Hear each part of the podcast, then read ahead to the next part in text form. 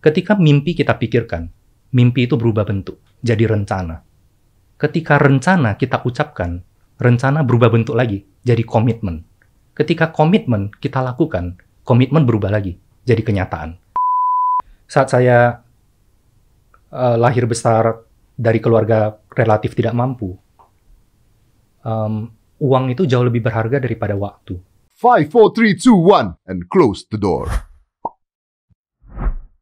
Brother, Hai, oh ini ini I'm very happy loh ketemu lo tuh. sama aku seneng banget akhirnya bisa ngobrol bareng Bu, uh, Bro Dedi. Kalau Iya. biasa kan kita ngobrol di luar di luar ruangan Di seperti luar ini. ruangan seperti ini banyak eh, nggak ada yang dengerin juga. Ternyata sebenarnya banyak yang mesti disampaikan. Tapi first congratulations for Tokopedia Gojek jadi satu. Makasih. Wah ini luar biasa. How many billion is it? Eh, kita nggak peduli lah, itu semua cuma angka-angka di atas kertas. Eh, dengan adanya Tokopedia ya, Hmm. contohnya ya, dengan ada Tokopedia atau eh, yang lainnya semuanya, itu kan sebenarnya juga mematikan cara orang berjualan yang biasa. Gua ngalamin nih, gua pernah punya toko handphone nih di Ratu Plaza nih, rusak dong dengan adanya Tokopedia. Gini, jadi kalau buat eh, saya melihatnya, kami melihatnya ya, em, generasi internet ini justru generasi paling beruntung sepanjang masa. Contohnya kalau dulu, zaman dulu ya, sebelum adanya internet, itu biasanya butuh waktu yang sangat panjang untuk membangun sebuah bisnis. Hmm, Misalnya punya toko kecil, hmm. biasanya itu harus eh, ngumpulin Lama, modal, punya modal. terus generasi berikutnya Hmm, eh, melanjutkan bisnis tersebut. Oke, Nah, di generasi sekarang ini, semua orang justru punya kesempatan yang sama. Misalnya punya ide apa pun, bisa di bisa langsung langsung eh, akses ke ratusan juta potensi pelanggan. pelanggan. gitu. Tapi bisa kaya nggak, bos? Justru jadi lebih hilirisasi ya, lebih mera- merata gitu. Kalau tadinya kesempatan itu hanya milik orang punya modal besar, Hmm. atau kesempatan itu hanya milik orang yang punya koneksi. Hmm. Tapi sekarang dengan platform-platform digital, Kesempatannya sama. kesempatannya sama. Orang yang punya produk bahkan belum punya produk sama sekali, mereka benar-benar bisa mulai aja dulu karena pasti ada jalan. Pasti. Jadi Iya iya iya oke. misalnya ada yang baru eh, punya apa hobi bikin kue, terus ternyata kuenya enak. Kalau zaman dulu kan harus mungkin bangun pemasaran dari door to door, Iya. dari satu rumah ke rumah Iya lainnya. iya iya iya. Sekarang dengan sosial Dengan media, sosial media mereka bisa Dengan spread platform itu digital sebesar gitu mungkin. ya. Langsung bisa menjangkau satu Indonesia. Oke, tapi kan kalau zaman dulu kita ngomong zaman dulu nih bro, Hmm. artinya kalau ketika orang mau sukses atau mau kaya dengan cara berjualan, salah satu contohnya adalah dia harus punya modal yang kuat. Ya, karena advertisement zaman dulu tuh beda banget. Advertisement is basically uh, showing off, uh, dibombardir di TV dan sebagainya sampai orang ingetnya itu. And then that's not work anymore these days. Akhirnya orang yang punya modal kuat atau anaknya orang kaya, anaknya orang kaya lebih gampang karena modalnya lebih besar. Kalah nih kita yang jualan-jualan murah, kecil. Oke. Dengan adanya seperti ini, artinya semua orang memiliki kesempatan yang sama untuk berjualan, untuk reach ke customer. Hmm. Nah, untuk kalau membangun brand. untuk bangun brand. Tapi sekarang kalau gue balik gue tanya sama lu. Nah, terus gimana caranya orang mau sukses kalau kesempatannya sama? Iya, jadi ini em, memberikan kesempatan yang sama kepada semua orang, artinya ya kita juga harus bersiap untuk berkompetisi dengan semuanya seperti itu. Oke, berarti kompetisinya makin gila. Kompetisinya pasti lebih transparan dan terbuka lah. Is Kalau- that good? hmm, I think it's good. Itu sebenarnya balik ke DNA filosofi pendiri bangsa kita ya, ekonomi kerakyatan, Hmm. di mana semua orang itu harus punya kesempatan yang sama gitu.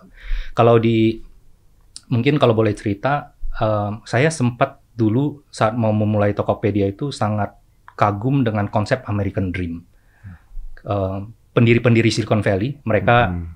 menjalankan yang disebut sebagai American Dream. Hmm. Tidak peduli apa masa, la- masa lalu kamu, apa latar belakang kamu, tapi apa yang kamu ingin bangun ke depan.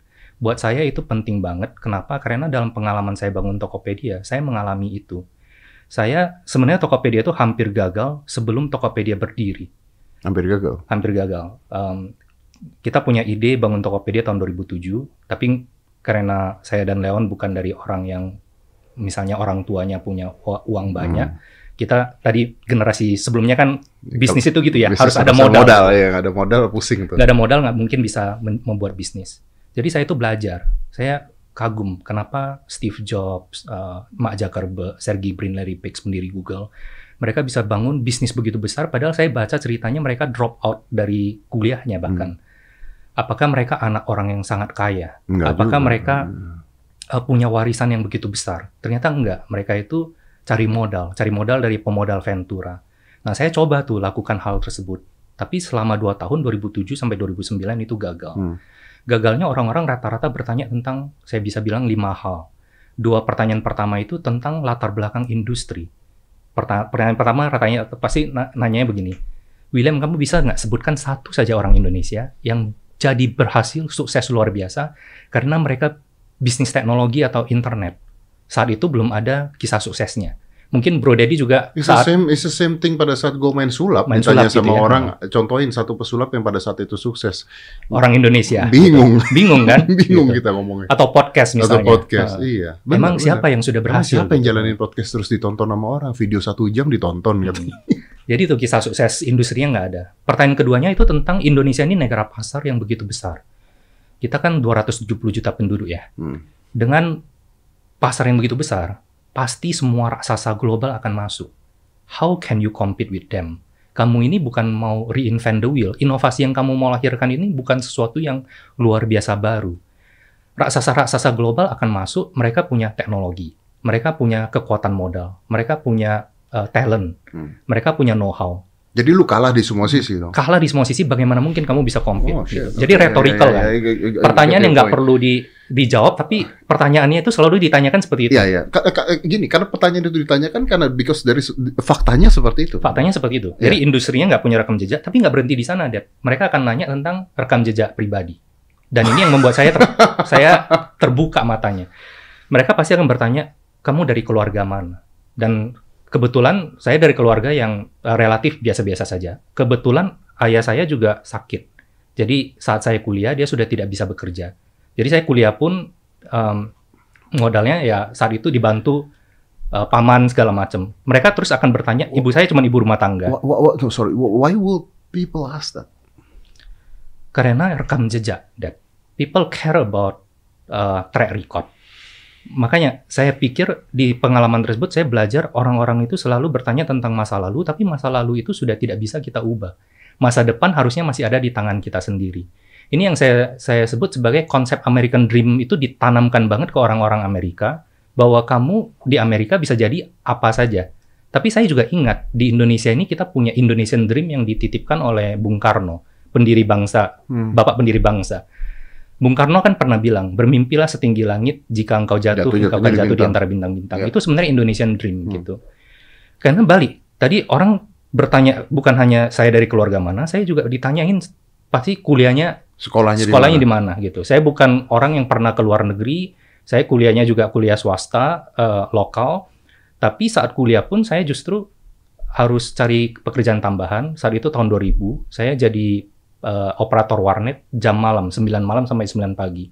But that's blessing in disguise, karena tahun itu kan Karena internet masih mahal. tentang internet, karena jadi bebas pakai internet. Iya. Saat Ah. internet itu adalah luxury uh, services, saya bisa pakai internet Free. gratis 12 jam setiap hari dan walaupun saya jadinya bolos kuliah, tapi hal yang saya bisa pelajari lewat internet itu otodidaknya itu jadi lebih luar biasa gitu. Dan pasti orang akan bertanya, pernah punya pengalaman bangun bisnis apa sebelumnya? Jadi balik lagi semuanya itu tentang masa lalu gitu kan. Jadi itu sebabnya saya tuh ketu saya beruntung eh, Bro Dedi karena saya merasa saya ketemu tujuan hidup saya dalam perjalanan saya membangun Tokopedia. Satu pengalaman ketika saya bertemu dengan calon pemodal, dia bilang kepada saya begini, William, jangan bermimpi di siang bolong. Orang-orang yang kamu em, apa jadikan panutan, pendiri-pendiri teknologi company di Silicon Valley, mereka ini orang-orang yang lahir spesial. Kamu lahirnya biasa-biasa saja. Jadi carilah mimpi yang lebih Ya. realistis, yang biasa-biasa saja. Shit. Itu hari di mana aku ketemu tujuan hidup aku, Mas Dedi. Karena kenapa? Karena aku merasa bahwa sedih sekali Indonesia kita belum 100 tahun merdeka. Anak-anak muda Indonesia sudah kehilangan kemerdekaan untuk bermimpi. Jadi buat saya kemerdekaan untuk bermimpi itu sangat penting. Semua orang itu harus punya kesempatan yang sama. Hmm. Makanya di sanalah kenapa konsep Tokopedia itu ber- sedikit berbeda gitu ya. Kan e-commerce itu besar banget. Ada model yang orang yang bangun platform dia yang jualan. Kalau di Tokopedia itu kita 100% nggak jualan. Kita cuma ciptakan platform teknologi, tapi filosofinya bandar tidak ikut bermain. Oke, jadi yang dari jualan hulu ke itu hilir nih. nggak hulu ke hilir. Yang jualan itu orang, orang lain, eh, para mitra penjual gitu. Em, karena tadi misinya itu pemerataan, misinya mem- membawa ekonomi kerakyatan tadi. Kita Hmm. percaya kita itu harus runtuhkan tembok-tembok penghalang, tapi bangun jembatan-jembatan penghubung. Oke. Seperti itu deh. Tapi Will, maksudnya gini, ketika orang itu nanya, gua tahu siapa, tapi nanya belum eh, ngomong bahwa eh, mimpi yang masuk akal deh, bener ya gitu kan mimpi masuk akal. Why? Kenapa nggak stop di sana? Em, Karena banyak orang yang ditanya seperti itu, lalu berpikir bahwa kata-kata itu benar, and then we stop. Di sinilah bagaimana memiliki panutan itu penting, Eh, Dedi. Belajar dari sejarah itu penting. Ya itu di titik itu ada satu input seperti itu. Tapi ingat juga sebuah input dari seorang pendiri bangsa yang mengajak kita bermimpi setinggi langit. Jika kita jatuh, kita jatuh di antara bintang-bintang. Hmm. Jadi hidup itu antara menemukan pilihan, mau memilih yang mana. Kalau kita pikir kita nggak bisa, di titik itu juga kita pasti gagal. Tapi kalau kita menentukan, mengatakan bahwa kita belum bisa, kita masih ada punya kesempatan, Bro Dedi. Jadi mungkin sama dengan Bro Dedi waktu di, di, dipertanyakan gitu. Apakah mungkin orang Indonesia menjadi master di sebuah seni yang belum ada kisah Belum. suksesnya atau ini sebuah art yang jalanan yang nggak bakal bisa dikomersilkan atau nggak bakal bisa jadi sosok dunia eh, sosok eh, di Ya, panggung ya, dunia ya. you become a master representing the country gitu jadi I think itu proses ya itu bagian Henry Ford pernah bilang ini banyak quote ya Henry Ford itu pernah bilang jika kamu pikir kamu bisa atau jika kamu pikir kamu tidak bisa dua-duanya kamu benar. Dua-duanya benar. Ya, ya, ya, ya, ya, betul, betul, betul. Tapi kan ada orang yang akhirnya punya semangat lalu patah karena dia melihat bahwa ya memang sulit, memang susah gitu, lalu patah. Ini banyak loh. Dan eh, nggak nyalahin mereka juga karena mereka mungkin udah berusaha terus mereka nggak berhasil patah, nggak berhasil patah. Nah, apa yang membuat orang bisa menjadi sukses dan tidak kalau mereka dua-duanya punya eh, keinginan yang sama apa Eh, persistence apa Em, mulainya semuanya dari pola pikir kalau menurut saya, Mas Dedi. Jadi em, seorang profesor di Stanford namanya Carol Dweck, dia pernah membuat teori bahwa manusia itu cuma punya dua pola pikir. Satu Hmm. pola pikir namanya growth mindset, satu namanya fixed mindset. Dan ini bisa dipelajari. Bahkan dari cara kita mengajarkan anak kita, secara tidak langsung kita menanamkan pola pikir tersebut oke growth mindset adalah orang-orang yang punya pola pikir bahwa semuanya itu proses yang di, tidak ada instant tidak ada instan dan bukan masalah bakat saja. gitu. Kalau fixed mindset itu orang yang kalau ketemu eh, tembok penghalang dia menganggap dirinya itu lahir tidak berbakat di bidang tersebut. Jadi Hmm. contohnya dia selalu melihat kalau orang yang berhasil entah itu di sepak bola atau menjadi pesulap luar biasa menjadi seorang podcast handal itu pasti bakat lahirianya itu di sana. Tidak tidak percaya akan proses gitu. Dan ini adalah pola pikir. Pola pikir yang sesederhana bagaimana kita mengajarkan anak kita. Jadi kalau anak kita pulang bawa rapor, nilainya matematiknya tinggi, terus kita puji, kamu pintar sekali. Ketika nilai olahraganya jelek, di, di apa di, dibilang bahwa kamu bodoh bodoh di bidang olahraga. Secara tidak langsung anak anak yang masih kecil berpikir bahwa Oh, udah dipetak-petakan Udah petak-petakin. bahwa I'm good at here, I'm not good at here, Iya. and I need to accept. Gue harus terima kalau gue nggak bagus di sini. Tapi cara mendidik orang growth mindset itu berbeda. Kalau di dia bawa pulang nilai bagus, yang dipuji itu prosesnya. Kamu dapat nilai bagus karena kamu kemarin belajar. Dapat nilai jelek, yang dikritisi itu bukan begonya, Iya, iya. karena tapi malasnya misalnya. diajak bahwa nggak apa-apa. Ah. Nanti akan ada tes berikutnya. You can And you can do it. you can do it or you can actually improve gitu. Jadi ini masalah growth mindset versus fixed mindset sederhana, tapi sebenarnya bisa dijalankan uh, uh, oleh semua orang. Oke. Dan buat saya kalau tadi uh, Bung Karno pernah mengajak bermimpi setinggi langit, dalam perjalanan saya membangun bisnis, saya juga belajar Om Deddy. Menurut saya Bro Deddy ini seorang yang bermimpi dengan mata terbuka. Apa artinya? Oke, eh, eh, coba terangkan, terangkan. Gue bermimpi dengan mata terbuka nih. ya. Oke, Iya. terangkan, terangkan.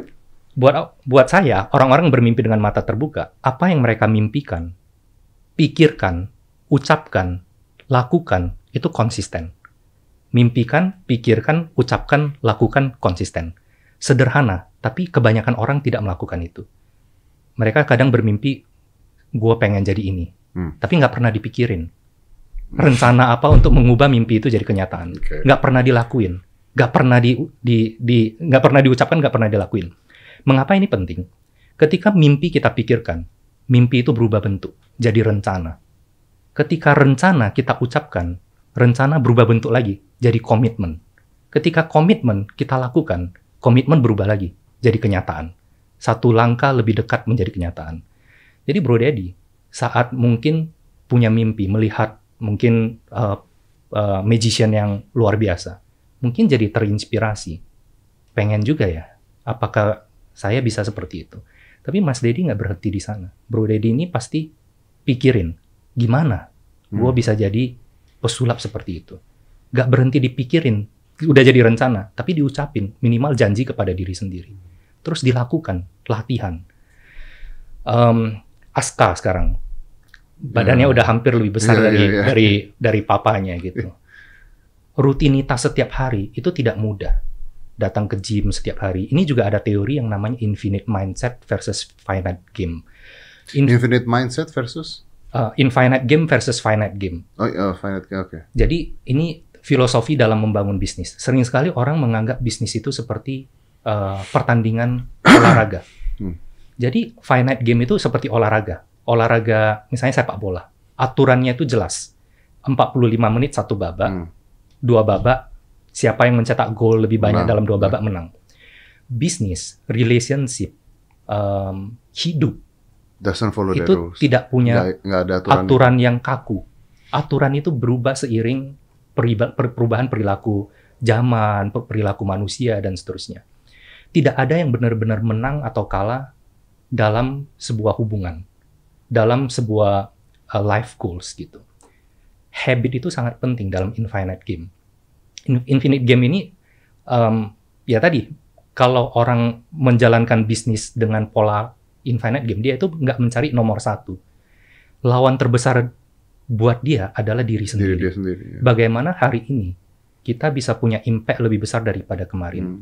Bagaimana hari ini sebagai seorang uh, uh, su- suami atau istri kita bisa punya Lebih hubungan baik, lebih baik? lagi. Oh iya, iya. Jadi menjalani proses setiap hari gitu. Hmm. Tidak ada yang bilang kita kalau sikat gigi uh, uh, s- giginya langsung, langsung sehat segala macam. Tapi kalau kalau kita tidak sikat gigi, jadi habit yang pasti gigi kita rusak atau hancur gitu. Hmm. Jadi ini habit yang tidak akan langsung keluar efeknya. Sama seperti ke gym. Em, itu kan capek, Ya, ya, ya, nggak ya. nyaman segala macam gitu ya, effortnya. Tapi it's not immediate, it's a process gitu.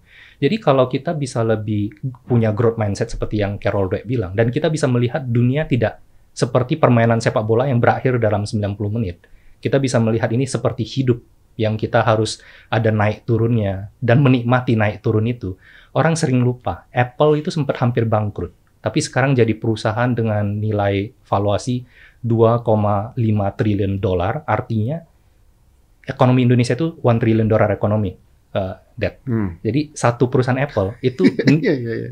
ekonomi yang berputar dua setengah kali lipatnya satu negara, satu yang punya negara. 270 juta penduduk. That's that's powerful. Iya, iya, iya. Dan eh, orang suka lupa bahwa Steve Jobs juga pernah keluar dari sana, pernah susah juga. Iya.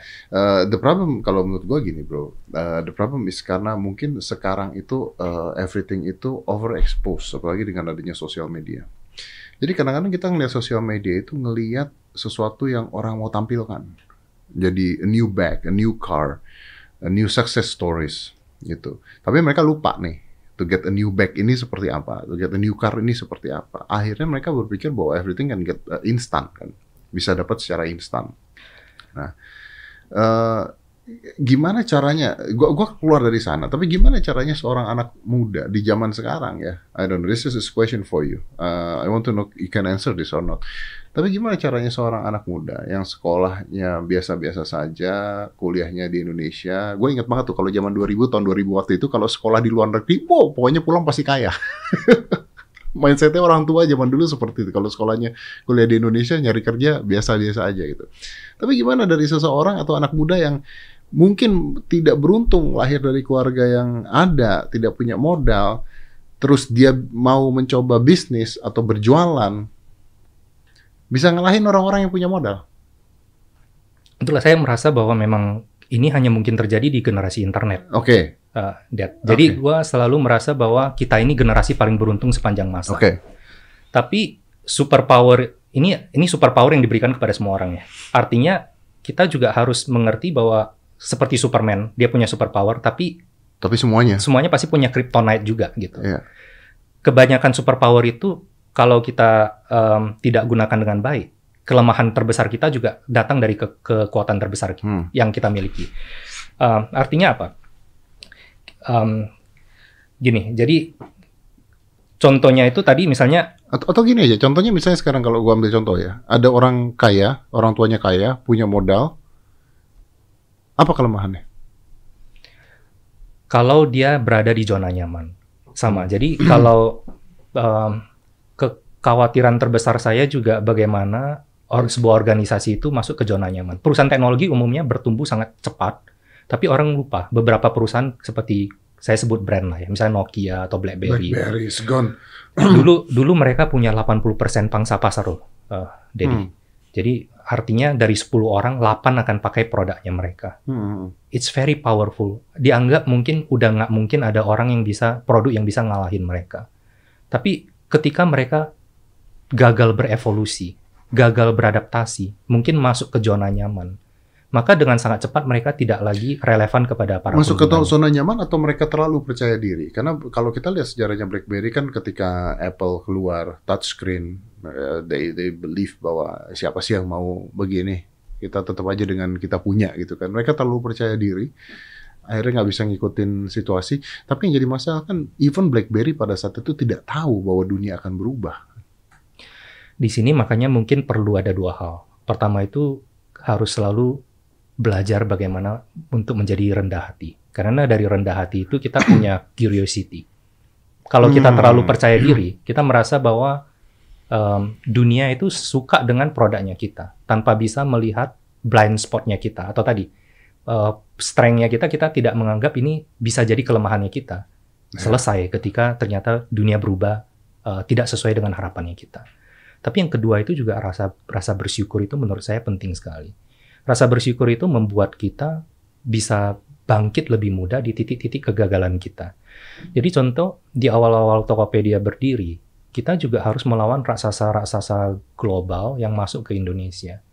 Jadi buat saya, saya itu butuh bisa belajar dari investor atau eh, pemegang saham yang pernah invest di perusahaan-perusahaan Hmm. sebesar misalnya Google atau Apple karena saya ingin belajar bagaimana sih untuk melihat cakrawala yang berbeda. Pada satu kesempatan di tahun 2010, saya punya kesempatan itu bertemu dengan pemodal dari luar Dari negeri. luar negeri.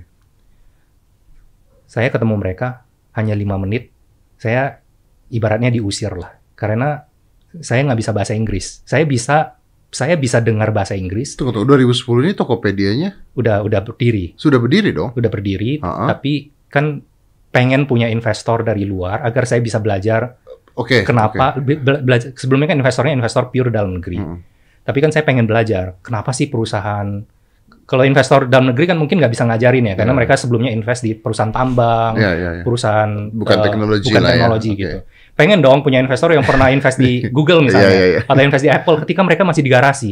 Mereka kan pernah pernah melihat atau pernah Jadi ada contoh Ada contoh, kasuistisnya gitu. ada war story Iya, iya, yang iya, bisa iya, iya, iya. dulu mereka misalnya perusahaan kecil gini-gini gimana war story-nya itu kan nggak Oh. bisa dibeli gitu ya. Berarti brother merasa bahwa ini sejalan nih ya, Sejalan, punya ya. sepemikiran gitu ya. Tapi ketika bertemu, mereka bilang, William, kami nggak ngerti kamu ngomong apa. So, jadi di sana itu habis lima menit saya diusir. Ibaratnya dia bilang, you just waste our time. Kamu kamu telah men- meng- menghabiskan waktu kami gitu. bro, I don't get it. Pada saat lu ketemu mereka, kenapa lu nggak bisa bahasa Inggris atau? Nggak mungkin dong.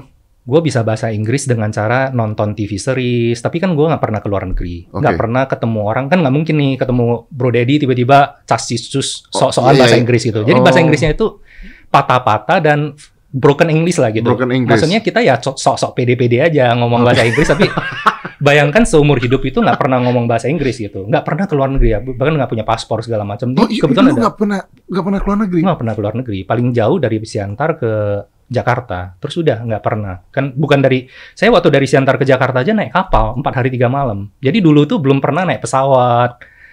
Ya, is a is a different different world lah ya. different era juga Iya, lah. iya, Kalau iya. sekarang kan mungkin banyak pesawat murah. Iya, Kalau dulu itu ke dari merantau dari Sumatera ke Jakarta naik kapal aja udah mewah Eh, tapi gitu. gua- mewah, gue pernah kok ke Medan naik pelni. Ah, en- enak kan? Par- Nggak ada udah- udah masalah. me- maksudnya ya nggak nggak nggak murah juga gitu. Iya, iya, iya, iya. Nggak bisa karena naik pesawat itu benar-benar milik orang Itu kaya. orang kaya banget. orang kaya lah. banget Untouchable gitu. lah buat kita untouchable. gitu.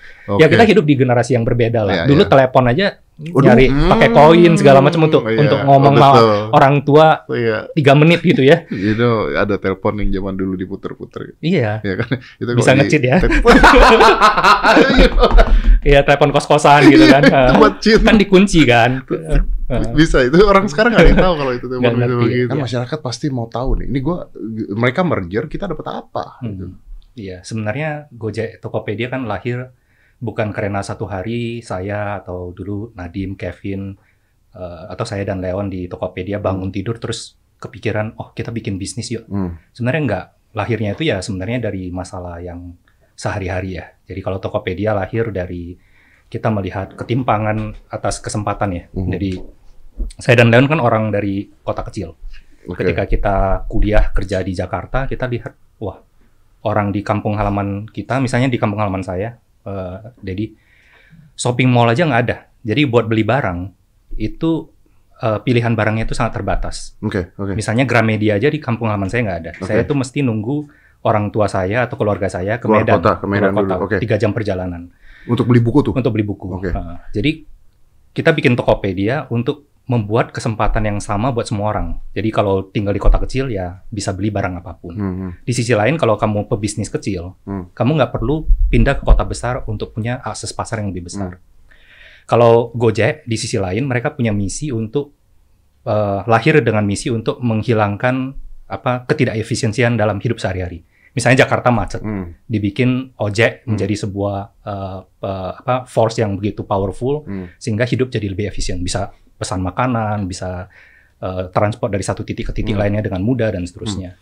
Jadi ini kan kita lahir sudah eh, lahir dengan melihat ada masalah, terus menciptakan solusi Ya, jadi, jadi based-nya on the problem dan Iya. keresahan dan lu ciptakan solusi. dan solusinya ternyata diterima oleh masyarakat, dapat kepercayaan dari masyarakat. Terus benefitnya apa nih ketika Hmm. digabungkan?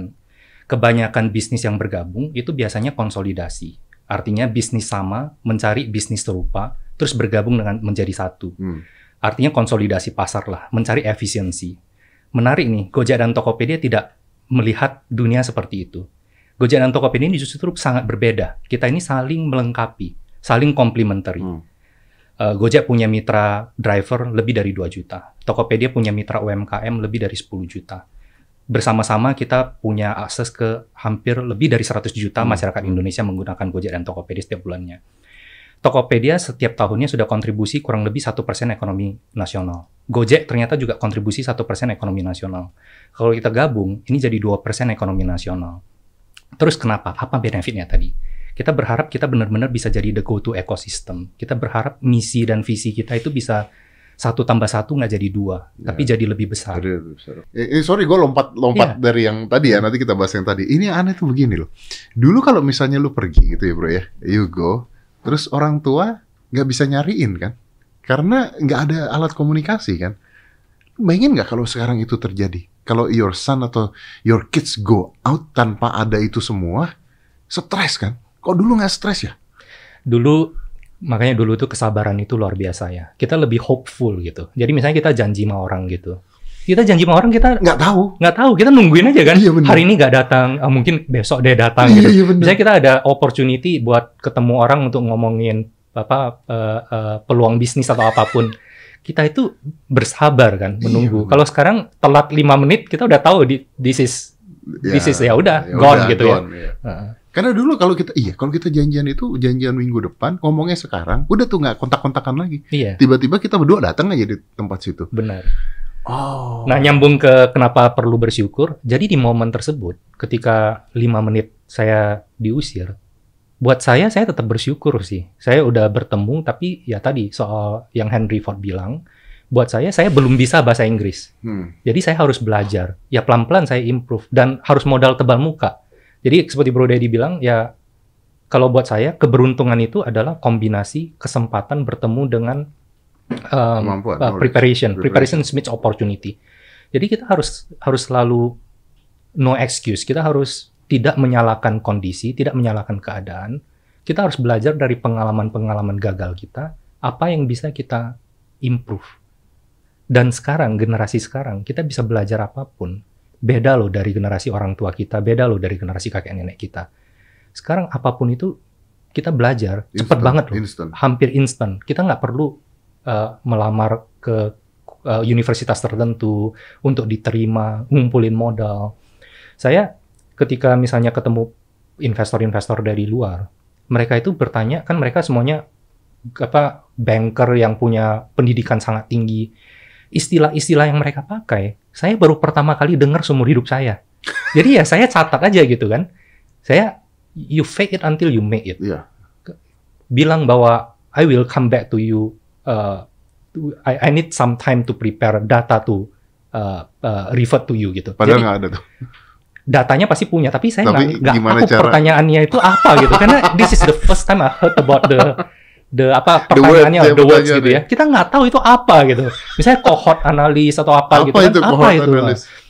Tapi kalau generasi papa uh, orang tua kita atau kakek nenek kita, kalau dia nggak tahu dia nggak tahu. Iya, Kalau generasi kita, kita pulang ada namanya Mbah Google. betul. Jadi buat buat saya semua orang itu bisa jadi PhD kalau dia menerjemahkan PhD itu sebagai poor, hung- hungry and driven gitu. Jadi Poor, hungry, and driven. poornya itu nggak berarti ha- harus miskin dalam hal materi. Hmm. Kita bisa miskin dalam Ya, ya, pengetahuan. Tapi kita harus lapar Iya, dan kita harus driven gitu. Kita harus punya tekad gitu. iya. Dan kalau kita generasi sebelumnya kan PhD-nya mesti kuliah Mesti lama, kuliah. mesti apa. Sekarang kita semua PhD. Kalau kita PhD-nya kita tinggal tinggal istilah apa pun kita kita ketikin di Google Iya, Itu akan betul, keluar. ya. atau Iya. di YouTube kita bisa belajar dari para expert. Ya, ya, ya. Kita bisa dengerin podcast bahas itu mendalam. Ya, Jadi menurut saya kalau kita bisa melihat dunia dengan lebih hopeful gitu ya, lebih grateful. Dalam kegagalan kita, kita tidak menganggap ini titik terendah kita. Kita cuma menganggap bahwa step. kita belum bisa, Belum bukan bisa. kita tidak bisa. Belum bisa. Itu dunia akan universe akan buka kita pintu lebih banyak sih. Oke. Ini kan eh, ya sama eh, kata siapa Steve Jobs atau stay hungry, stay foolish. Stay hungry, stay foolish. Because eh, dengan gitu lu mau belajar hal yang baru, mau tahu hal yang baru. Wow, it's amazing. Tapi Itu sebabnya gue bilang Om Deddy ini adalah orang bermimpi dengan mata terbuka. You change field so many times, tapi semuanya jadi master. jadi seorang orang manggil Daddy, Om, Mas, Bro, oh iya, tapi yang paling tepat itu sebenarnya master. Karena in every single industri yang kamu masuk selalu jadi master. Pesulap, uh, podcast, gaya hidup sehat, you are master of.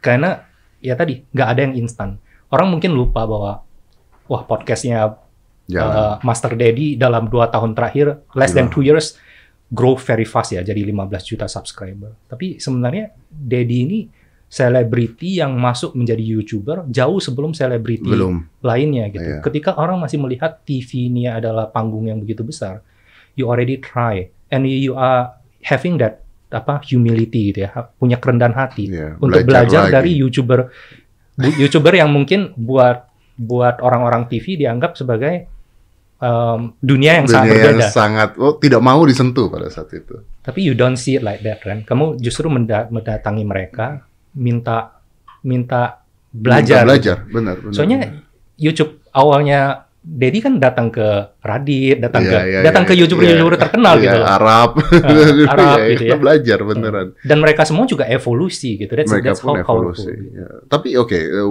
why? uh, ken- uh, bagaimana? Kenapa ada orang-orang yang tidak bisa melihat dunia ini berubah ya? Ada loh orang yang stagnan tidak mau berubah karena percaya bahwa apa yang dijalankan sudah benar. I met I met magicians Eh, sudah tua gitu ya. Dia main trik ya misalnya pakai uh, keluar burung lah gitu. Terus eh, uh, gue bilang, Om ini ada alat baru, alat barunya begini, begini, begini, begini. Dan dia mengatakan, no, I've been doing this for 40 years. Iya, satu hal kenapa orang mentok, itu juga karena melihat gelasnya itu sudah penuh. Jadi penting sekali. Atau takut? Bisa bisa dua-duanya insecure karena sudah berada di titik tertentu dan itu jadi zona nyaman, tapi mungkin karena gelasnya benar-benar sudah penuh. Kalau gelas kita setengah penuh, Bisa kita diisi. tuh selalu merasa bahwa kita itu belum Pol. uh, belum mentok gitu. Jadi kita selalu ada ruang untuk belajar. Dan untuk belajar itu sering kali itu kita harus uh, unlearn atau punya kebesaran hati untuk untuk mengakui bahwa apa yang kita pelajari sebelumnya, apa yang sudah kita miliki sebelumnya, itu bisa jadi sudah tidak relevan. Apa bisa jadi salah. Wah ini nggak gampang bro. Nggak gampang, tapi ya memang Nggak harus gampang, bro. harus mulai dari diri sendiri. Nggak gampang loh. Orang udah belajar lama, ada yang udah kuliah, ada yang udah apa, terus dia harus menyadari bahwa, aduh ini nggak relevan lagi sekarang. Itu nggak gampang loh. Tapi dalam membangun organisasi itu justru ketakutan terbesar saya. Jadi ketika saya meng-hire orang-orang sangat pintar, saya juga selalu berusaha menguji apakah mereka ini mau Berkembang. mau punya tadi humility atau uh, kerendahan hatian untuk menganggap bahwa apa yang mereka proses atau apa yang mereka sudah capai sekarang bisa jadi sudah salah, bisa jadi sudah tidak relevan buat berikutnya. Kenapa? Karena kalau mereka memaksakan apa yang mereka tahu benar untuk di perusahaan mereka sebelumnya atau di, di kehidupan mereka sebelumnya dan dipaksakan di generasi sekarang, bisa jadi ya anggaplah mungkin zaman sosial media orang-orang sudah pindah ke Facebook masih aja uh, ngotot di Friendster, Friendster, gitu. ya. orang udah pindah ke Instagram masih saja ngotot gitu kan kita juga harus dunia ini tidak tentang kita gitu dunia ini ya berubah dan kita juga harus mengikuti Ya masyarakat Um, ya, skemanya. tren ya, dunia tren gitu. dunia. tapi ya memang kita harus punya filosofi atau punya jangkar yang kuat tentang values kita apa jadi mediumnya apa pun values kita itu tidak akan berubah gitu ya kembali Ya, Aku ingat ketika ketemu uh, Master Dedi pertama kali, aku nanya. Karena ini pertanyaan favorit saya. Setiap ketemu orang, kalau kamu bisa hanya memilih satu kata untuk mewakili diri Anda, kata apa yang Anda pilih? Kalau tidak salah, Bro Dedi waktu itu bilang kerja keras atau determinasi gitu ya. Karena Iya, iya. oh, Bro Dedi memang orangnya kerja keras banget. Tapi saya bilang, menurut saya Master Dedi ini kayak air, water. ya. Karena dulu di sini ini ada udah nggak ada nih. Dulu nih di sini ada uh, figurin Eh, Bruce, Bruce Lee. Lee, Dan ya. Bruce Lee selalu bilang be Be like a water, water." my friend gitu. Ya, Karena air itu bisa menyesuaikan sesuai dengan uh, bejananya atau tempatnya. Air itu di botol jadi botol, di Hmm. gelas jadi gelas, di, di uh, teapot jadi uh, uh, Ya, uh, teh pot. pot gitu. Air bisa tenang tapi bisa juga menghancurkan gitu. Dan itu filosofi hidup seorang Bruce Lee gitu. ya, ya. Dan saya melihat, menurut saya, saya juga sangat kagum. Uh, Thank Bro you. Dedi sangat, sangat apa ya? Kalau Bro Dedi selalu menganggap bahwa di titik tertinggi sebagai master magician itu adalah uh, glory terbesarnya, selesai udah. selesai gitu. Terus beradaptasi loh dari penulis intisari gitu. Kenapa nggak jadi penulis aja seter- seterusnya gitu? Selesai Kenapa sudah. harus harus harus belajar dunia baru? Tapi belajar dunia baru itu kan nggak instan gitu. You learn one trick at a time, master it one trick at a Yeah. time, dan bikin trik-trik baru. Artinya, brother, kalau kita bicaranya seperti itu, artinya beda dengan zaman dulu. Kalau zaman dulu itu seseorang ngajar gelar, and it's done, selesai. Artinya kalau you say that, artinya bahwa eh, bro mengatakan bahwa saat ini di zaman ini itu lifetime learning. Iya, em, saya merasa beruntung banget karena saya dapat kesempatan belajar dari per- perjalanan eh, membangun bisnis saya ya Tokopedia. Saya ketemu tujuan hidup saya Hmm. yang tadi saya cerita, Hmm. tapi setelah ketemu tujuan hidup saya, saya belajar terus dan belajar itu punya kesempatan belajar dari yang terbaik. Hmm.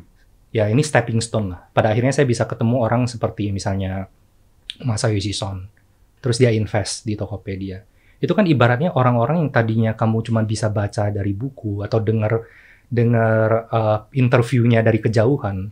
Bayangkan ketika kita makan malam bareng dia, kita bisa tidak hanya belajar tentang sejarah, kita bisa belajar apa yang di pikiran dia tentang masa depan. How orang-orang seperti dia melihat um, visinya itu ke depan seperti apa. Hmm. Menurut saya kalau kita belajar tentang growth mindset dan infinite game tadi, kita itu harus belajar seperti uh, spons uh, Eh, air. air gitu. Jadi menyerap air. Dan kalau di sekeliling kita misalnya airnya itu air yang sangat kualitasnya sangat bagus, ada istilah you are, kamu adalah rata-rata dari lima orang di sekeliling kamu. Ya, Buat saya itu juga sangat benar. Jadi bagaimana kita membuat punya akses kepada exposure. Karena balik lagi, cara belajar generasi kita sangat berbeda dengan generasi-generasi sebelumnya. Exposure yang kita bisa dapatkan dari berteman, Berarti kita harus milih dari teman networking. Iya Um, juga dong. Iya juga dong harusnya. kit- saya belajar bahwa hal paling berharga di dunia itu sebenarnya pada akhirnya adalah waktu. Saat saya eh, lahir besar dari keluarga relatif tidak mampu, em, uang itu jauh lebih berharga daripada waktu. Oke. Karena misalnya 500 rupiah, saya harus jalan kaki daripada naik uh, mikrolab. Karena misalnya kalau saya naik mikrolab, mungkin bisa was- bisa hemat waktu 30 menit, tapi 30 menitnya itu saya tidak bisa dapetin 500 Dapat rupiah gitu. 500 rupiah. Jadi itu awalnya jadi blessing, jadi ke- jadi kekuatan superpower saya. Jadi ketika bangun Tokopedia kan kita nggak punya uang. Jadi kita kerja keras. Kalau bisa 24 jam kerja gitu, kita ke 24 jam kerja. Saat Tapi itu di titik tertentu, ketika kita punya uang, uang. kita nggak punya waktu lagi. Iya benar. Mungkin Bro Deddy ngerasain lah Oh, iya, gitu ya. Benar. Betapa siapa pun itu, mau sekaya apa pun, eh, se terpuruk apa pun, semua orang diberikan hanya 24 jam sehari Hmm. dan ini tidak bisa dibeli, Hmm. tidak bisa dikurangin. Semua orang dapat modal yang sama. Dan di sinilah bagaimana kita menggunakan waktu dengan baik dalam hidup kita yang begitu singkat akan membuat garis finish kita berbeda. Mungkin se- seorang um, Cristiano Ronaldo, dia mungkin orang yang punya bakat sangat luar biasa, tapi dia juga pekerja keras melebihi hampir semua orang um, di lingkungannya dia. Bahkan misalnya Patrice Evra sempat bercanda, nggak enak, nggak nggak nggak fun gitu. Hmm. Eh, diajak ke rumahnya Cristiano Ronaldo gitu. Semua makanannya nggak enak gitu. Terus habis itu hobinya itu hobinya itu nggak nggak fun gitu. Bikin capek lah pokoknya. Habis habis makan makanan yang sehat itu pokoknya bikin capek aja Iya, gitu. iya, Jadi iya, nggak iya. fun gitu. Jadi Iya. sebagai teman dia nggak fun, Ah. tapi lihat achievementnya dia gitu. Jadi memang memang ya tadi balik lagi ke filosofi waktu. Pada akhirnya yang paling paling tidak bisa kita beli itu adalah waktu. Oke, artinya eh, secara nggak langsung eh, Bro William mengatakan bahwa ketika kita berteman juga kita harus ngelihat itu juga dong. I mean stop wasting time juga dong. Karena pertemanan ini bisa baik bisa buruk kan. Kalau lima orang mempengaruhi kita, kalau kita salah masuk ke satu lokasi pertemanan, hancur juga kita. Um, I right? Dan uh, buat saya mungkin saat saya baru menikah, saya ada baca quote dari James Patterson. Oke. Dia seorang penulis. Dia mengatakan kita ini dalam kehidupan seperti badut sirkus. Yang dalam kehidupan itu kita Juggling. juggling lima bola. Lima bola ini adalah kesehatan, uh, family, keluarga, persahabatan, um, integritas, dan pekerjaan. Dari lima bola ini, empat terbuat dari gelas dan hanya satu terbuat dari karet. Dan hanya bola pekerjaanlah yang terbuat dari karet. Jadi kalau kita jagel bolanya tidak hati-hati, bola gelas jatuh, Pecah. pecah tidak bisa lagi kita jagel dalam hidup kita. Kita lihat banyak pebisnis yang sangat berhasil, tapi keluarga, persahabatan, eh, Kesehatan. kesehatan, atau integritasnya, reputasinya kan kita semua hidup gajah mati meninggalkan Gading. gading, manusia mati meninggalkan nama gitu. Jadi integritas kalau pecah ya pecah gitu. Tapi kalau pekerjaan kita gagal, bola Bounce- karet bisa bounce itu bounce-nya itu bisa justru lebih tinggi kalau kita mau belajar gitu. Nah, tapi kembali jagel lima bola ini Nggak gampang. nggak gampang, butuh waktu. Dan um, kita juga harus jadi manusia yang beruntung. Artinya, saya juga beruntung punya istri yang mendukung jauh sebelum saya membangun Tokopedia, kita sudah berhubungan. Jadi dia juga melihat bagaimana suka dukanya dan yang paling penting itu dukungan.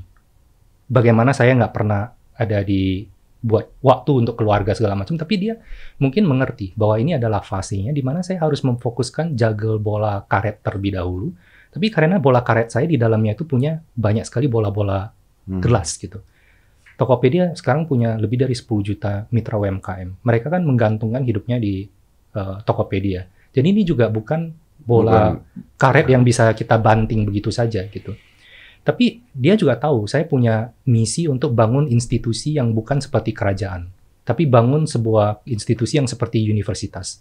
Artinya penerus Tokopedia itu bukan anak atau keluarga saya, tapi saya ingin membangun institusi seperti universitas yang dikenal karena dampaknya kepada masyarakat, yang dipimpin dikenal karena guru-guru dan murid-muridnya, dan orang Amerika atau the West uh, side itu lebih pintar membangun institusi.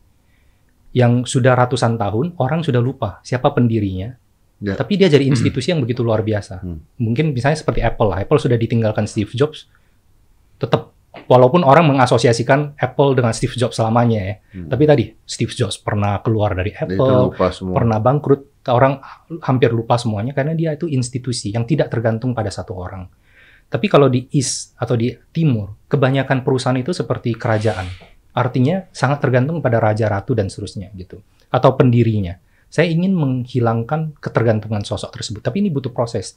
Tapi saya dapat support sistem tersebut. Artinya bola gelas tersebut boleh saya titipkan dulu. Nggak perlu saya jaga. Bayangkan kalau istri saya ngeluh aja setiap hari Ya berantakan. berantakan gitu. Dan menurut saya friends, saya saya lihat Bro Daddy juga mungkin saya saya orangnya sebenarnya sangat introvert sih. Jadi maksudnya teman saya nggak banyak, tapi teman-teman saya yang ini dekat gitu. Hmm. Maksudnya saya bukan orang yang eh, senang party atau Ya. keluar sosialisasi segala macam. Memang dari dulu kutu Ya. buku di belakang layar dan seterusnya. Jadi naturally ya teman saya nggak banyak. Tapi buat saya teman terdekat itu sebenarnya role modelnya itu saya ingin jadi seorang ayah seperti eh, Ah. seperti Daddy.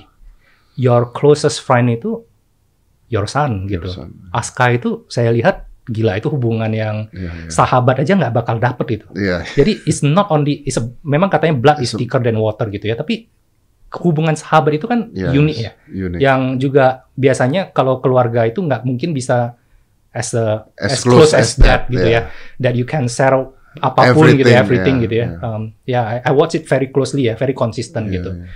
Um, ya, because you also treat Aska sebagai sahabat juga, gitu. sahabat Dari juga, dia begitu dari dia kecil, kecil. tidak me, tidak mentreat dia sebagai bocah, Iya. mentreat dia sebagai adult gitu. Iya, iya.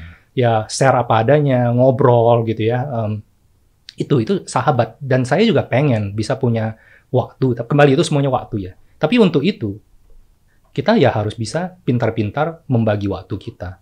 Jadi menurut saya ada era-eranya. Saya mungkin di usia 28 sampai sekarang empat- hampir 40. Ini adalah era saya membangun Tokopedia untuk menjadi menanamkan values, menanamkan filosofi, menanamkan prinsip kenapa kita lahir, kenapa kita besar. Kita besar karena kepercayaan orang lain. Ini titipan yang nggak boleh kita khianati. Menanamkan values-values itu sehingga penerus-penerus berikutnya. Menurut saya pemimpin itu tugasnya sebenarnya cuma satu. Dit. Pemimpin yang baik itu menciptakan pemimpin yang lebih baik Yang dari lebih baik dirinya. dia.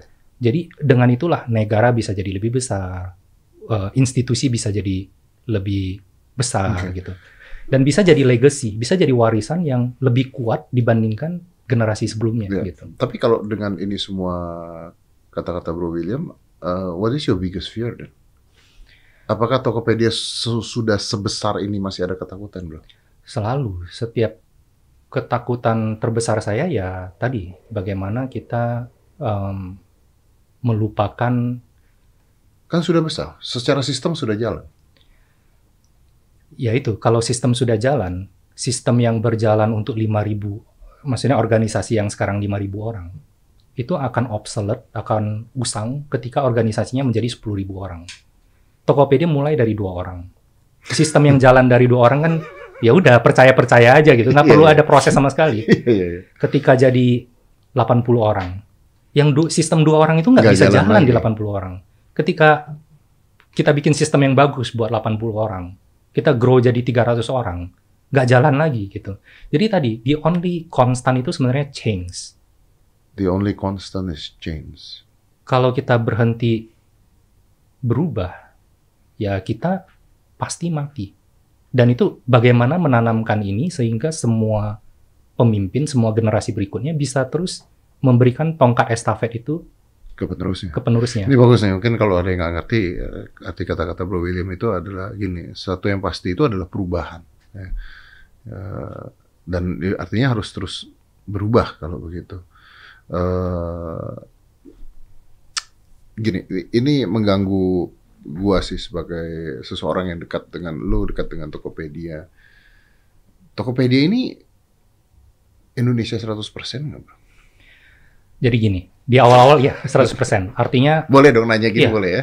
boleh banget. Nah, Justru di tahun 2005 2014 Oktober, Tokopedia jadi perusahaan pertama di Asia Tenggara yang mendapatkan investasi 100 juta dolar dari dua institusi besar dunia.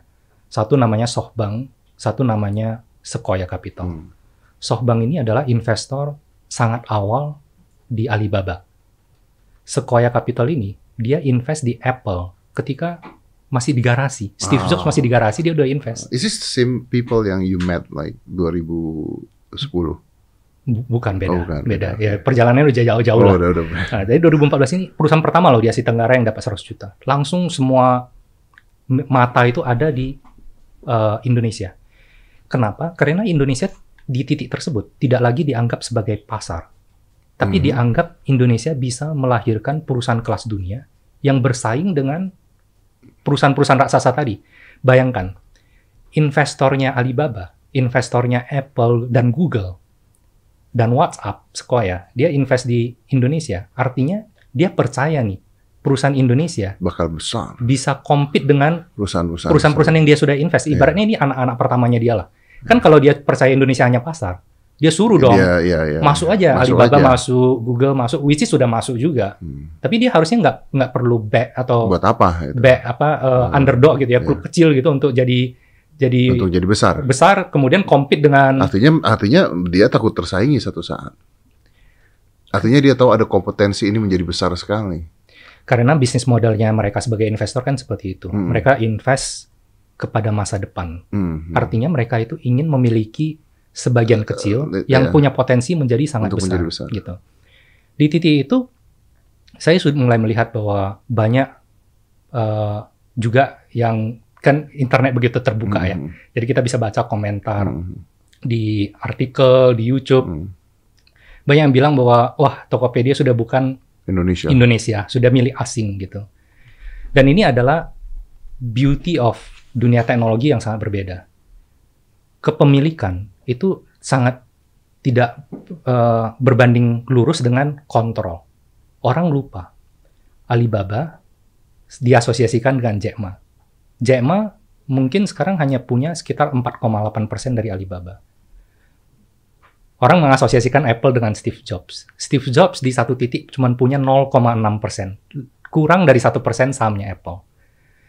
Tapi beauty dari perusahaan teknologi, roh dari pendiri perusahaan, itu dia juga ketika masih perusahaan tertutup atau, bahkan jadi perusahaan terbuka, dia itu bisa menstructure perusahaan dia, satu sahamnya pendiri itu punya voting right yang jauh lebih tinggi. Artinya kalau di generasi sebelumnya, kalau punya punya 50% atau Ya, punya dia 60%, dia berarti yang Own everything. own everything ya. gitu, yang punya suara 60% Ya. juga. Tapi di generasi internet banyak sekali seperti Jack Ma, seperti uh, Steve Jobs, dia punya sahamnya mungkin kecil, tapi kontrol kendali penuh terhadap perusahaannya itu dia yang Dia punya. paling besar. Karena dia bisa men-set kontrak itu seperti itu. Kenapa? Karena penting sekali tadi bahwa beda dengan yang dibeli itu sebenarnya waktu. Kalau misalnya Indonesia mau punya perusahaan teknologi yang 100% dikuasai oleh Indonesia, Oh. Berarti yang mungkin mendirikan itu hanya konglomerat-konglomerat yang sudah berhasil sebelumnya. Anak-anak muda Indonesia nggak punya mungkin punya harapan. Seperti tadi, mau Mak Zuckerberg, mau apa, mereka itu dari awal itu cari pemodal. Dari awal itu mereka bersedia membagi perusahaan dia kepada orang-orang yang memang bisa mengakselerasi. Kalau dia jalan sendiri, mungkin dia bisa menguasai 100%, tapi mungkin nggak akan kecapaian juga. Saya belajar ini sebenarnya dari Fast and Furious. Fast and Furious, film. Hmm. Jadi ada orang Jepangnya kan, namanya Han. Iya, iya. Han itu pernah Nanti bilang, muncul lagi kayaknya deh. Ya. Udah. dia pernah bilang begini, 50% of something is better than 100% of nothing. 50% dari sesuatu yang besar itu lebih berharga dari 100% Yang nggak ada artinya. yang nggak ada artinya. Jadi Dari awal tadi saya mau mulai Tokopedia saja sudah hampir gagal. Dua tahun saya cari pemodal, itu susah sekali. Akhirnya kita berhasil pelan-pelan menemukan investor, dan bayangkan, Indonesia harusnya berbangga. Ketika SoftBank invest ke Alibaba, mereka taruh 20 juta dolar, dapat 33 persen.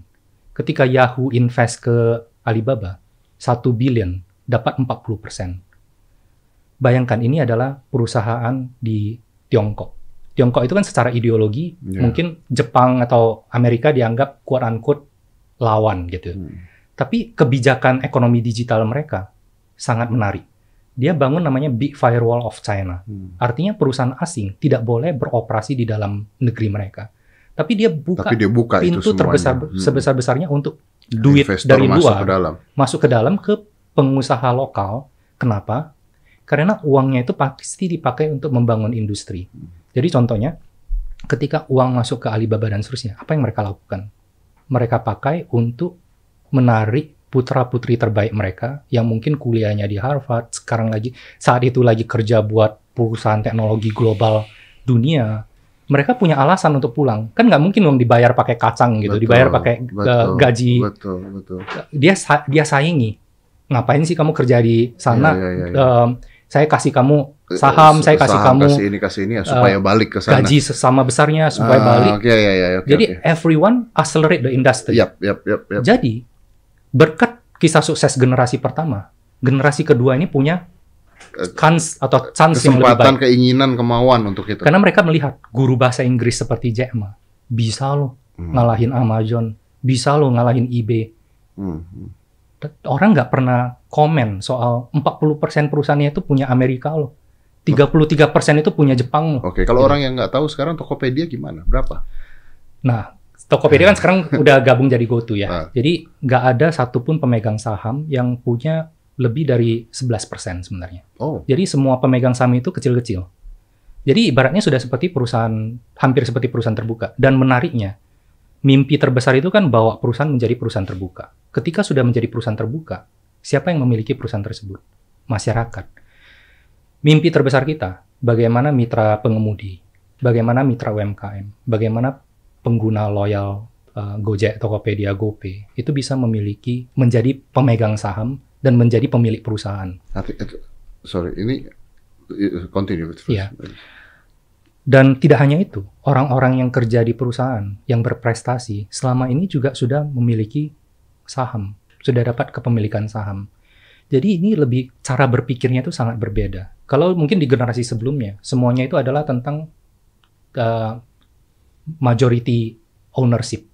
Tapi kalau di generasi sekarang, kenapa di Amerika ada benar-benar Silicon Valley? Kenapa semua orang tidak hanya berlomba-lomba bangun perusahaan? Bagus kalau bisa bangun perusahaan besar tapi juga berlomba-lomba punya cita-cita pengen kerja ke um, Apple, Google, karena setiap tahun yang berprestasi itu dapat saham. Tunggu, tunggu. I, i, i, lu tadi mengatakan bahwa orang-orang berprestasi di sana dapat saham. Di Tokopedia, di Gojek juga dapat saham. Jadi ini, pemilik perusahaannya itu ini ini pegawai. Pegawai. Dapat saham. Dapat saham. Jadi ya balik lagi. Walaupun bisa dibilang bahwa um, kenapa yang disorotin itu saya kadang juga sedih sih mengapa perusahaan Indonesia yang lahirnya di Indonesia membuka lapangan pekerjaan, memberikan kepemilikan sahamnya kepada uh, orang-orang uh, Indonesia, membawa kembali putra-putri terbaik Indonesia untuk membangun sesuatu yang masa depan. Lulusan-lulusan ini nanti akan bangun generasi berikutnya, akan bangun perusahaan mungkin kenapa Silicon Valley bisa besar? Ketika Yahoo go public, yang kerja-kerja awal kan semuanya jadi uh, miliuner. Hmm. Kemudian mereka punya modal dong. Hmm. Dengan modal itu mereka bisa invest hmm. ke generasi berikutnya yang punya ide. Wah, ide kamu bagus nih. Dan ah. mereka pernah merasakan jadi mereka punya modal untuk invest. Jadi lama-lama lambat laun kepemilikan itu lebih ya. lebih jadi majority lokal. Sama lah generasi berikutnya setelah Alibaba itu kan sudah banyak orang yang menjadi berhasil karena Alibaba. Jadi bisa invest kembali, mereka sudah percaya. Tidak perlu lagi mengulang misalnya kisahnya yeah. William 14 tahun yang lalu, yeah, yeah, yang ya. orang-orang bertanya, siapa sih yang bisa berhasil siapa bisnis teknologi? Yeah, yeah. Ini Kalau sudah ada contohnya. Sudah ada contohnya. Okay. Gitu. Dan sudah banyak yang menikmati, dan sudah banyak yang nantinya memang harus menunggu go public, karena so, akhirnya... So, so ini bakal IPO? Pasti ya, karena ya itu kan mimpi besar yang uh, cita-cita yang harus terwujud lah. Agak, tapi masyarakat pasti ini gila banget kalau IPO. Masyarakat pasti kayak eh, kapan, Mas? Ya, kita terus bekerja keras. Ya, harapannya bisa dalam tahun ini kita melantai. Ya, tentunya ini pekerjaan, uh, ini governance-nya kan ini tanggung jawab yang besar lah. Jadi kita harus persiapkan dengan baik gitu. Tapi ya tentunya itu adalah titik di mana uh, menjadi garis start baru. Tapi di mana pemegang sahamnya adalah masyarakat Indonesia. Kita harus bertanggung jawab kepada pemegang saham kita, yang mana sudah lagi bukan institusi-institusi dari luar saja, tapi tadi mitra driver semua orang bisa. Ya. Bayangkan kalau kita punya kesempatan invest di Amazon berapa puluh tahun yang lalu, sekarang sudah jadi berapa? Hmm. Itu kan slowly but sure itu grow terus ya.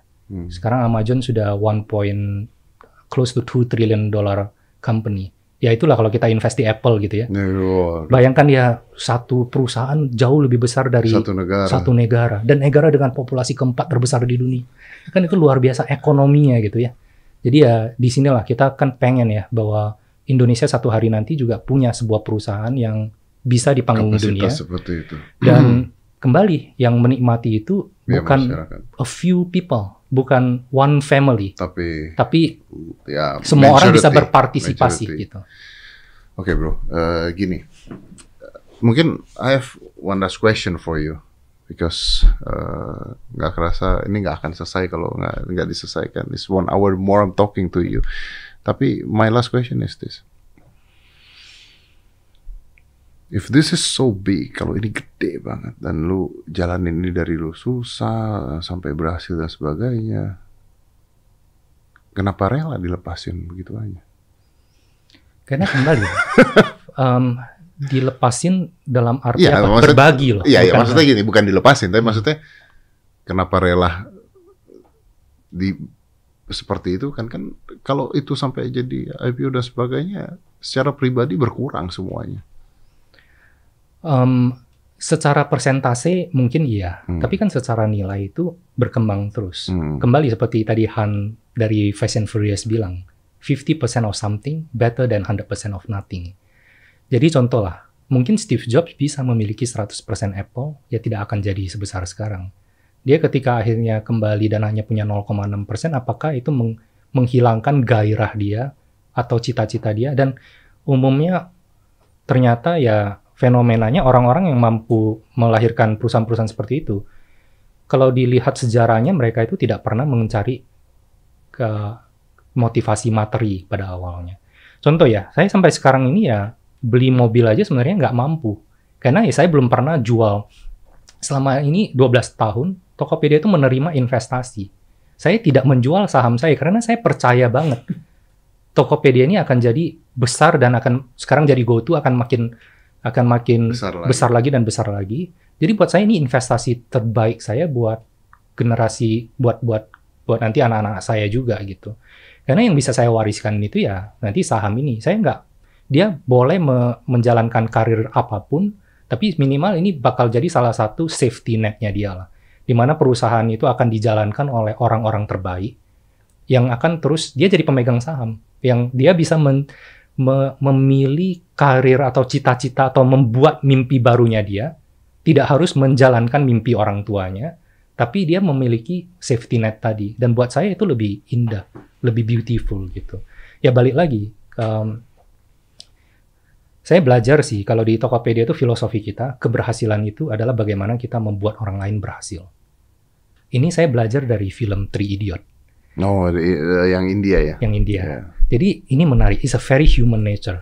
Uh, that kan dia bilang ya, kita bersahabat. Kita itu sedih banget kalau teman kita gagal. Jadi waktu itu ada teman dia yang uh, apa nggak nggak naik kelas. Jadi yeah, yeah, yeah. dia sedih banget. Yeah, yeah. Sedih banget Terus skin, scene berikutnya itu ternyata dia lebih sedih dari sebelumnya. Kenapa? Karena salah satu temennya juara nomor satu. Ternyata kita tidak hanya sedih ketika teman kita gagal, tapi kita lebih sedih lagi ketika teman kita, berhasil. teman kita jauh lebih berhasil dibanding kita. Dan buat saya, saya sebelum bangun Tokopedia saya pernah kerja kantoran segala macam. Kadang ada namanya toxic ke uh, environment ketika salah satu orang misalnya promosi atau berhasil banyak pembicaraan Ya nggak enak. nggak enak di gitu ya belakang. di belakang. Dan uh, ketika saya belajar soal growth mindset, soal fixed mindset tadi, orang yang satu tidak pernah menyalahkan keadaan. Ketika dia growth mindset gitu ya, dia jadi dia jadi terinspirasi. Hmm. Kenapa sih dia bisa berhasil? Apa sih yang saya bisa perbaiki sehingga saya berikutnya berhasil? Dia itu adalah orang-orang yang menselebrasi keberhasilan orang lain. Pak Eri kan beberapa hari lalu uh, ngobrol ya, Ya, sama- ya, ya, sama Bro. Dedi kan juga ngomongin soal podcastnya Bro Dedi ya. Bayangkan kita punya pilihan mau jadi 15 juta orang yang setiap hari nonton dan terinspirasi dan belajar hal yang baru, atau jadi mungkin 50 ribu orang yang selalu nyinyir, atau Nyinyir, ya. komen negatif Dan gitu tidak bisa belajar dan ya. tidak bisa belajar. Yang satu tidak bisa melihat keberhasilan orang lain sebagai daya picu atau jadi eh, motivasi untuk kita berkembang. Yang satu itu justru mau seperti itu. Jadi ini pilihan kita. Whether you think you can, whether you think you can, you're both right. Mau jadi fixed mindset atau mau jadi growth mindset. Ya, saya, Mau memilih finite game atau mau memilih infinite game. Saya tadi, gua tadi mau nanya lagi, kenapa orang-orang ini bisa dengki ya? Ada apa dengan kedengkian itu? Apa yang dilihat kah? Apa pendidikan dia? Atau balik lagi ke tadi yang growth mindset dan fixed mindset? pola pikir saja sih baga- baga- bagaimana mungkin exposure dan harus mulai dari dal- diri dalam sendiri ketika dia makanya di sini menurut saya Indonesia kita harus menumbuhkan kembali rasa um, uh, men- menumbuhkan kembali panutan-panutan baru kalau dulu kan ada konsep pahlawan pahlawan ini kan panutan gitu ya Iya, iya, iya. ada um, orang tua kepada dongeng misalnya. Dongeng itu kan banyak menceritakan tentang uh, heroisme Hmm. gitu ya, kisah-kisah kepahlawanan. Jadi ada yang dipelajari dipelajari itu kan contoh yang baik. Ya, kenapa ya. orang berhasil? Kenapa orang memiliki reputasi yang baik? Jadi nilai-nilai itu yang ditanamkan. Nah, ini yang mungkin di generasi instan. Kita kan membaca komentar, kita mendapatkan dua pilihan. Ketika kita kita harus mengakui kita semua mungkin manusia. Manusia itu punya Ya, rasa iri, rasa dengki, rasa- Betul. mungkin tidak uh, mungkin sekarang lagi kondisi susah sekali sehingga melihat jurang pemisah itu jadi sebuah hal yang memicu um, um, ke apa kemarahan dan seterusnya sehingga pemicu-pemicu komentar negatif itu jadi membenarkan ada orang-orang yang merasakan seperti saya jadi juga seperti itu tapi kembali kalau mindset kita bisa berubah kita bisa melihat bahwa di titik lain ternyata orang yang berhasil dulunya juga pernah gagal sekali dan is part of process. Ini adalah perjalanan yang belajarlah bagaimana Jadi perjalanan itu belajar, ya. membawa kita ke sebuah titik. Maka harapannya ya tadi kita bisa belajar bermimpi dengan mata terbuka, eh, Om Deddy. Ya, ya, ya. I get it. Wow.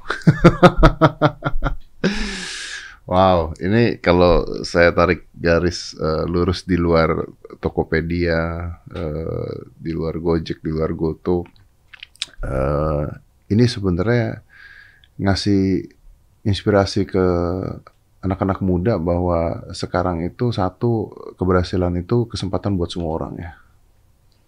Internet ini ya memberikan kesempatan yang sama, relatif sama, ya, relatif sama kepada semua orang. kepada semua Eh, orang, tergantung dari pola pikir Anda mau mengikuti zaman apa tidak, you want to go with the uh, flow like water or not gitu ya. Terus juga ya, iri dengki harusnya bukan iri dengki tapi belajar dari sana terus berpikir apa yang bisa saya lakukan gitu kan. Dan berusaha mengalahkan diri sendiri. Bagaimana hari ini jadi satu Pelajaran pelajaran sehingga hari ini lebih baik, sedikit lebih baik dibandingkan kemarin. Karena saya yakin kalau seorang Master Dedi ditanya lima tahun lagi mau jadi apa, sebenarnya belum tahu. nggak tahu gue. Itu, Iya. itu salah nggak ya bro ya? Gue tuh Iya. bingung deh. Eh, Enggak. sorry sorry ini. Nah ini terakhir banget deh. ini kalau nggak nggak terakhir terakhir nih. Jadi kalau kadang-kadang ada orang nanya gitu media atau wartawan, nah lima tahun lagi gimana? Bingung. Gimana lima tahun lagi? Karena kita balik ya, kita menjalani apa adanya. Kita cuma berjanji hari ini kalau bisa lebih baik dari kemarin. iya gitu. Terus kalau ditanya lima tahun lagi ya, see what happen next five Hmm. years saya bilang. Karena lima tahun yang lalu mana mungkin Nggak tahu. Master Dedi ditanya, oh saya akan Podcast. membuat podcast yang dinikmati oleh Terbesar di Indonesia terbesar di nggak tahu. dan not stop there. Even ada momen-momen ya podcastnya sudah berhasil. Ya. Momen-momen me- Saya tahu Anda mau ke mana Iya. larinya. Dewa Kipas Dewa kipas. Itu sebuah momen yang lewat begitu dalam bagian sejarah percaturan Indonesia, tapi you breed a history di YouTube gitu. Dunia loh Dunia. gitu. Jadi ya balik lagi gitu kan.